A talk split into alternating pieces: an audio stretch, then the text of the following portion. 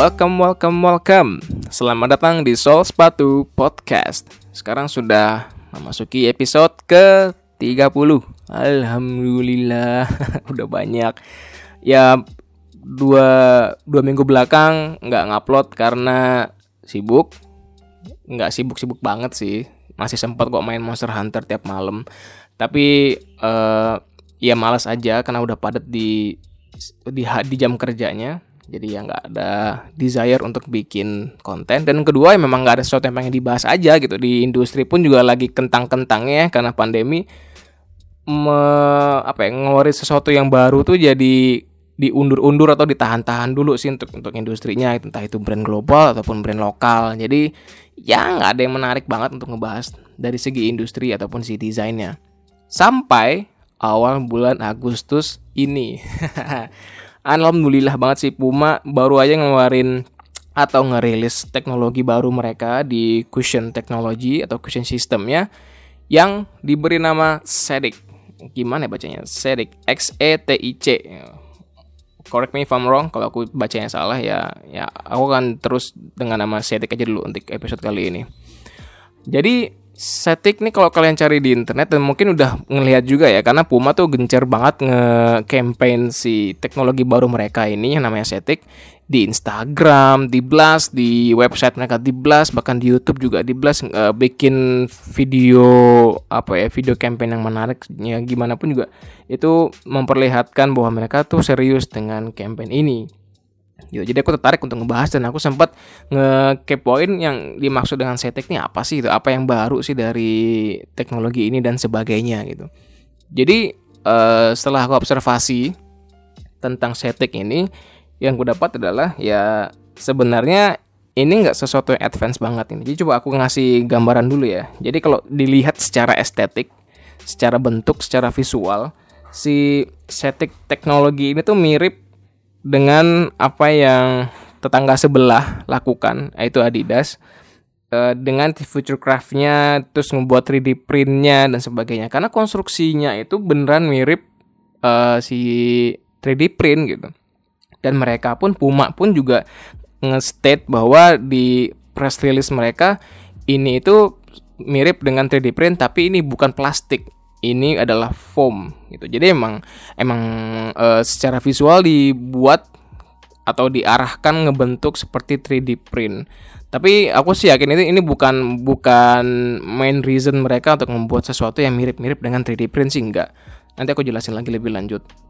Jadi walaupun ini adalah sesuatu yang secara material, secara proses itu familiar dengan uh, brand-brand atau industri ini pada umumnya, mereka bisa membuat ini lebih advance lagi gitu. Ini yang bagus dari Puma sih. Yang aku suka dari Puma tuh mereka selalu memanfaatkan resource yang ada terus dibuat menjadi sesuatu yang advance gitu. Jadi sesuatu yang udah familiar nih kita tahu kayak foam, mold segala macam itu kan biasa aja. Tapi mereka make it to the next level menjadi sesuatu yang baru terus bisa menjadi apa ya their new technology aja gitu.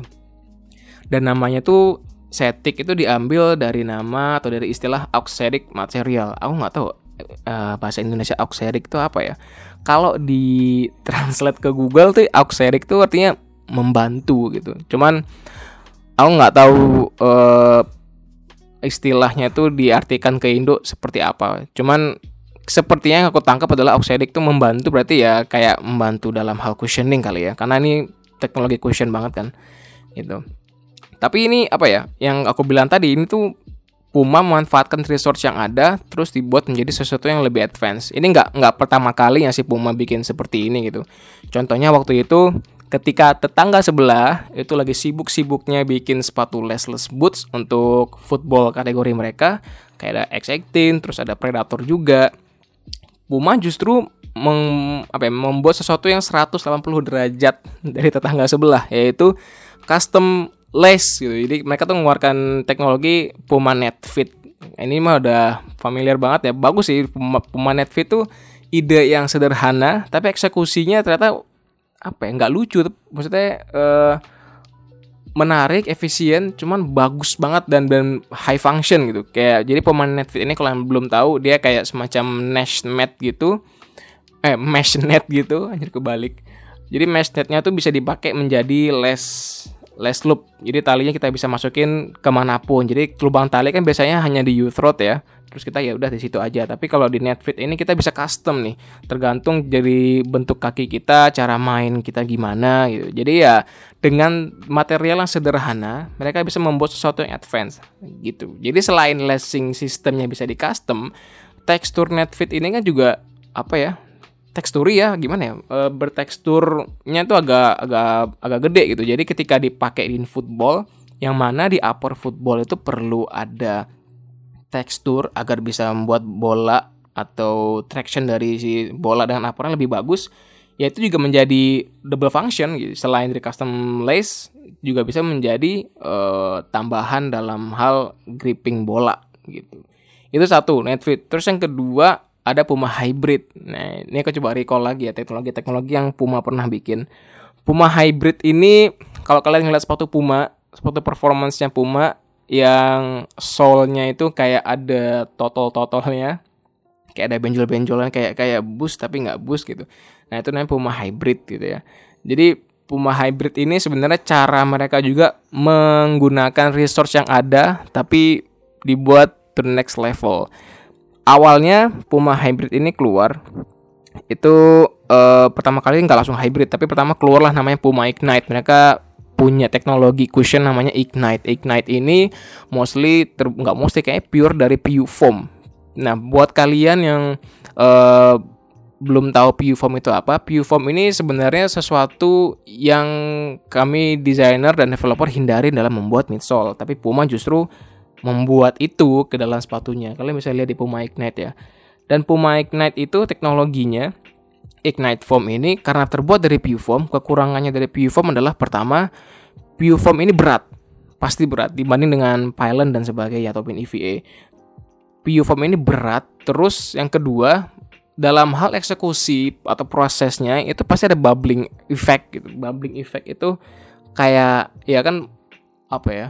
kayak ada cairan terus ada air atau ada udara yang keluar terus membuat kayak bubbling gitu terus meletus nah pecah nah jadi ada pecahan-pecahannya itu yang membuat si tekstur di PU foam ini nggak menarik gitu bakal banyak banget eh, apa ya error atau bubbling bubbling itu banyak banget sehingga secara visual itu nggak bagus sebenarnya bisa sih ngehindarin uh, bubbling effect itu kalau kita tidak banyak menggunakan uh, surface yang lancip-lancip gitu. Misalnya kita di desainnya si foamnya atau midsole itu polos aja. Jadi kalau polos sih terhindarkan lah dari bubbling effect gitu. Karena bubbling effect itu keluar kalau ada sudut-sudut runcing biasanya. Nah tapi kita nggak mungkin dong membuat desain tuh polos doang. Pasti ada permainan kontur, ada permainan desain di sana di midsole-nya. Jadi kayak si Ignite sendiri ketika dikeluarkan itu banyak banget sudut-sudut runcingnya bahkan secara visual pun dia kayak panah-panah banyak gitu dan akhirnya bubbling efeknya banyak banget itu terus setelah mereka mengeluarkan ignite foam mereka mengeluarkan yang namanya energy. Energi jadi energi ini uh, ini bus KW lah ya. Nggak bus KW juga sih. Kalau aku baca-baca sih sebenarnya dulu yang pertama kali nge-develop eTPU itu yang bits atau butiran-butiran yang dipakai Adidas Boost sekarang itu sebenarnya Puma dulu. Ini setahu gue ya jadi Puma itu udah ngedevelop duluan cuma mungkin merekanya kelamaan matenginnya atau udah gimana akhirnya Adidas duluan lah yang bisa selesai terus bisa dikampanyekan sehingga ya Adidas yang dikenal oleh yang dikenal masyarakat sebagai founder dari teknologi Beats itu. Gitu. Cuman Puma tetap melanjutkan proyeknya dengan nama Energy. Nah energi ini pun kalau kita lihat, kalau kita compare dengan Boost dan nggak akan mungkin kita nggak compare ya, karena mirip banget. Kalau kita compare dengan Boost, Boost ini tuh butiran-butirannya tuh rapet ya, jadi nggak ada celah antara tiap butiran gitu. Jadi nggak bolong-bolong, jadi udah clean aja bagus, rapet banget, padet. Tapi kalau energi ini tiap butirannya itu masih ada celah-celah gitu loh. Jadi banyak banget bolong-bolong sehingga kelihatan nggak rapi dan kelihatan masih setengah mateng gitu dalam memproses teknologinya. Sehingga untuk mensiasati kekurangan-kekurangan dari dua teknologi ini yaitu Puma Ignite dan Puma Energy, mereka mengcombine itu kedua material menjadi Puma Hybrid. Jadi eh, yang mana si PU foam ini adalah liquid kali ya atau atau sebuah semacam kompon yang bisa di blend dengan beats tadi dengan energi tadi sehingga yang energi itu ada bolong-bolongnya ketutupan gitu. Jadi ya udah dicampur weh keduanya kenapa enggak gitu. Sehingga membuat sesuatu yang baru. Jadi ya secara visual sih nggak terlalu menarik ya kayak ah gimana ya ngembarinnya ya. Jadi itu total-totalnya kalau boost kan emang butiran kayak gabus ya susunannya tuh rapat-rapat tapi kalau ini enggak susunannya tuh jarang-jarang. Tapi di, di setiap celah antara bit satu dengan bit lainnya yaitu signet formnya sehingga secara visual nggak terlalu menarik kayak aneh banget. Uh, kayak uh gitu. Karena jijik gitu si si visualnya. Dan tapi nggak nggak menghilangkan beratnya form jadi gitu uh, kalau mau callback sedikit tentang sesuatu yang sudah ada atau resource yang mereka punya terus diolah lagi menjadi sesuatu yang sesuatu yang advance gitu. Dan ini pun si Setik sekarang termasuk salah satu sesuatu yang familiar dibuat menjadi yang advance. Karena gini, secara proses si Setik ini tuh nggak advance advance banget nggak kayak Adidas 3D print yang pakai material khusus mesin khusus. Enggak ini tetap menggunakan foam dan tetap menggunakan uh, mold pada umumnya gitu biasa aja. Cuman bi mereka bisa membuat sesuatu yang berbeda. Nah menariknya dari project Setik ini adalah atau atau teknologi Setik ini Puma itu nggak sendirian bekerjanya. Ini aku suka sih di industri itu harus sering-sering kolaborasi ya dengan di luar industri kita. Jadi Puma itu berkolaborasi dengan MIT Design Lab. Dan fungsinya MIT Design Lab itu di di mananya gitu. Jadi untuk membuat konstruksinya itu konstruksi si setik itu kita apa kita lagi Puma itu nyebutnya apa ya si nama tekstur atau pattern atau konstruksinya yang berbentuk angka 8 horizontal dan vertikal disusun-susun menjadi uh, sebuah pattern dalam misalnya. Nah, strukturnya itu mereka sebut recurve. Itu. Nah, si recurve inilah yang diciptakan oleh MIT Design Lab.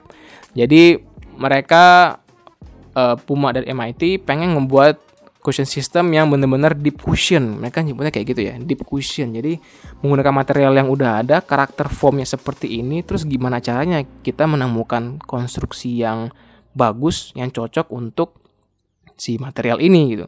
Jadi kalau kalian lihat di videonya di YouTube ya si Puma ngerilis tentang Setek ini kayak digambarin tuh kalau si timnya itu membuat atau udah menganalisa berbagai macam bentuk struktur yang cocok untuk si foam ini dan akhirnya keluarlah si recurve ini yang berbentuk angka 8 horizontal dan vertikal disusun-susun sedemikian rupa. Jadi jadi sepanjang atau seluruh solnya itu bolong-bolong di pinggirannya tembus sampai dari lateral ke medial gitu berbentuk si recurve ini. Nah, jadi mereka ngeklaim bahwa si struktur ini sudah sangat cocok dengan karakter karakter cushion dari si foam itu dan bisa memberikan deep cushion buat si pemakainya. Cuman aku bingung adalah di press release mereka ini Puma bilang bahwa uh, di awal banget mereka bilang kalau ini tuh untuk walking gitu atau atau untuk comfort dan sebagainya dan mereka bakal mengembangkan lagi untuk uh, performance gitu. Tapi aku belum tahu apakah ini bisa dipakai untuk lari. Nanti mereka bakal bakal rilis uh, di Asia sih udah ya awal-awal. Yang paling telat itu ntar di Amerika tanggal 20-an Agustus 28 gitu. Udah ada mulai akhir-akhir bulan Agustus. Dan mereka akan ngejual dengan harga 140 euro. Kalau aku convert di Google tadi sih 140 euro itu sekitar dua setengah lah kurang lebih. Nah jadi ya kalau mau nyoba sepatu atau teknologi baru Puma Cetek ini bisa siapin aja duit sebanyak dua setengah. Aku nggak tahu sih seberapa seberapa ringan atau beratnya si material Cetek ini karena nggak nemu ini terbuat dari apa. Mereka hanya bilangnya dari foam gitu. Mungkin dengan cara mereka mengkomunikasikan ini hanyalah foam, aku sih beranggapan bahwa oke okay, ini mungkin foam biasa atau pylon atau atau kompon pada umumnya, bukan sesuatu yang PU foam atau sebagainya. Tapi nggak tahu kalau ini masih PU foam, uh, ini menarik sih PU foam dengan yang aku bilang tadi kalau pada umumnya desain midsole itu ada kontur yang runcing, sudut-sudut lancip dan sebagainya itu membuat bubbling effect yang lebih parah. Tapi di, di desain Cetek ini nggak nggak ada kontur itu sama sekali jadi emang anggap aja lah sebuah sol yang bener-beneran polos terus ya udah dibolong-bolongin sesuai dengan konstruksi recurve mereka tadi gitu dan aku penasaran wah ini bisa menjadi solusi banget buat PU form mana form sendiri berat kan? PU form itu berat terus dibolong-bolongin biar lebih ringan gitu. Uh, lucu sih. Ini yang aku suka dari Puma. Selalu menemukan cara yang lebih efisien dan cara yang lebih konvensional tapi membuat sesuatu yang advance. Ini patut dicontoh sih buat kita. Nggak nggak apa ya nggak ngeluh atau nggak selalu menjadi excuse ketika punya keterbatasan keren keren ini pun bagus banget dan yang aku sayangkan dari desainnya si teknologi setting ini atau si misolnya yang dirilis sekarang adalah karena apa ya yang dirilis sekarang tuh si outsole-nya biasa aja gitu. Outsole-nya cuman rubber positioning rubbernya tuh full length. Maksudnya dari forefoot, midfoot sama heel itu ada. Cuman desainnya tuh lurus-lurus doang gitu loh si si rubbernya outsole-nya. Coba deh kalian cek deh itu outsole-nya tuh cuma lurus-lurus doang. Aku mungkin karena apa ya? Karena bentuk outsole-nya itu sudah harus ngalah karena konstruksi dari si recurve-nya itu, si setik konstruksinya tuh kan si recurve namanya tuh di ya mereka ngalah aja gitu karena bentuk midsole-nya harus seperti itu sehingga memposisikan rubbernya nggak bisa main banyak cuman ya kayaknya sih bisa-bisa aja ya tapi nggak tahu. Mungkin Puma udah menyiapkan desain-desain lainnya. Jadi untuk pertama kali ngerilis ini mereka menggunakan desain outsole yang biasa aja dulu. Yang penting ya expose si midsole-nya jadi outsole-nya antar aja lah. Uh, dan aku sempat ngobrol juga dengan teman-teman uh, kantor. Terus ngeliat ini oh mirip Nike ya. Maksudnya si patternnya itu mirip mirip eh, yang pernah Nike React keluarkan. Karena kan Nike React juga mengeluarkan apa ya pattern ciri khas mereka si teknologi React foamnya itu berbentuk angka 8 juga gitu atau lingkar-lingkaran yang nyambung-nyambung terus dibentuk sedemikian rupa. Walaupun di Nike React itu hanya sebagai uh, visual aja nggak menjadi sesuatu yang high function dalam hal konstruksi si foamnya tapi kalau di Puma kan enggak itu beneran berfungsi sebagai konstruksi yang dia itu membantu untuk cushioningnya ya tapi emang apa ya kalau emang udah MIT Design Lab ngeriset sih ya aku aku sih rasa itu bukan bukan masalah ikut siapa atau ikut siapa ya itu memang karena untuk karakter form yang seperti itu ya desain konstruksi yang cocok ya seperti itu. Yang kebetulan memang angka 8 itu yang dapat gitu. Dan nggak masalah sih itu juga menjadi bagus. Cuman uh, nanti kekurangannya dari teknologi-teknologi yang Puma lakukan yang maksudnya memanfaatkan resource yang ada dengan cara yang konvensional tapi bisa membuat sesuatu yang next level kekurangannya adalah ini bakal gampang di sumpah. Nanti kalau udah dapet nih pabrik-pabrik Cina atau pabrik mana lah yang udah bisa dapat akses untuk melihat moldnya wah itu ditiru gampang banget. Ini aku yakin ketika setik ini works di market ya paling hitungan bulan tuh udah mulai banyak KW-KW-annya gitu. Orang KW 4D aja udah banyak kok gitu. KW-KW-an Adidas 4D yang kita bilang ini sangat-sangat advance itu udah banyak KW-annya apalagi yang dengan cara yang sederhana kayak gini gitu. Aduh. Uh, jadi sayang aja sih Puma. Aku gak tahu gimana memposisikan si tim risetnya dengan hal-hal kayak gini. Jadi mereka udah riset dalam-dalam udah kolaborasi juga dengan MIT Design Lab. Mungkin udah text time juga membuat teknologi ini tapi karena eksekusinya nggak terlalu ribet ya orang gampang aja niru gitu. Dan dan nggak nggak membutuhkan sesuatu yang advance juga. Aku nggak tahu siapakah Puma uh, menanggapi ini sebagai sesuatu yang bagus atau enggak. Oh tahu. Cuman buat aku pribadi sih ketika desain kita dicontek berarti ya desain kita works. Salah satu indikatornya gitu ay oke itu ay sih untuk episode kali ini uh, menarik ya yang apa yang Puma lakukan aku nggak sabar ngelihat next desain dari si Puma Cetic ini perkembangannya kayak gimana pasti ya kita udah bosen lah ngelihat Puma Cell lagi, Puma Hybrid lagi dan dan performance Puma semoga ke depannya bisa menjadi lebih terarah karena sport style-nya udah bagus banget ya, dan performanya jadi kurang. Kenapa ya Jerman? Adidas juga gitu, performanya juga kurang.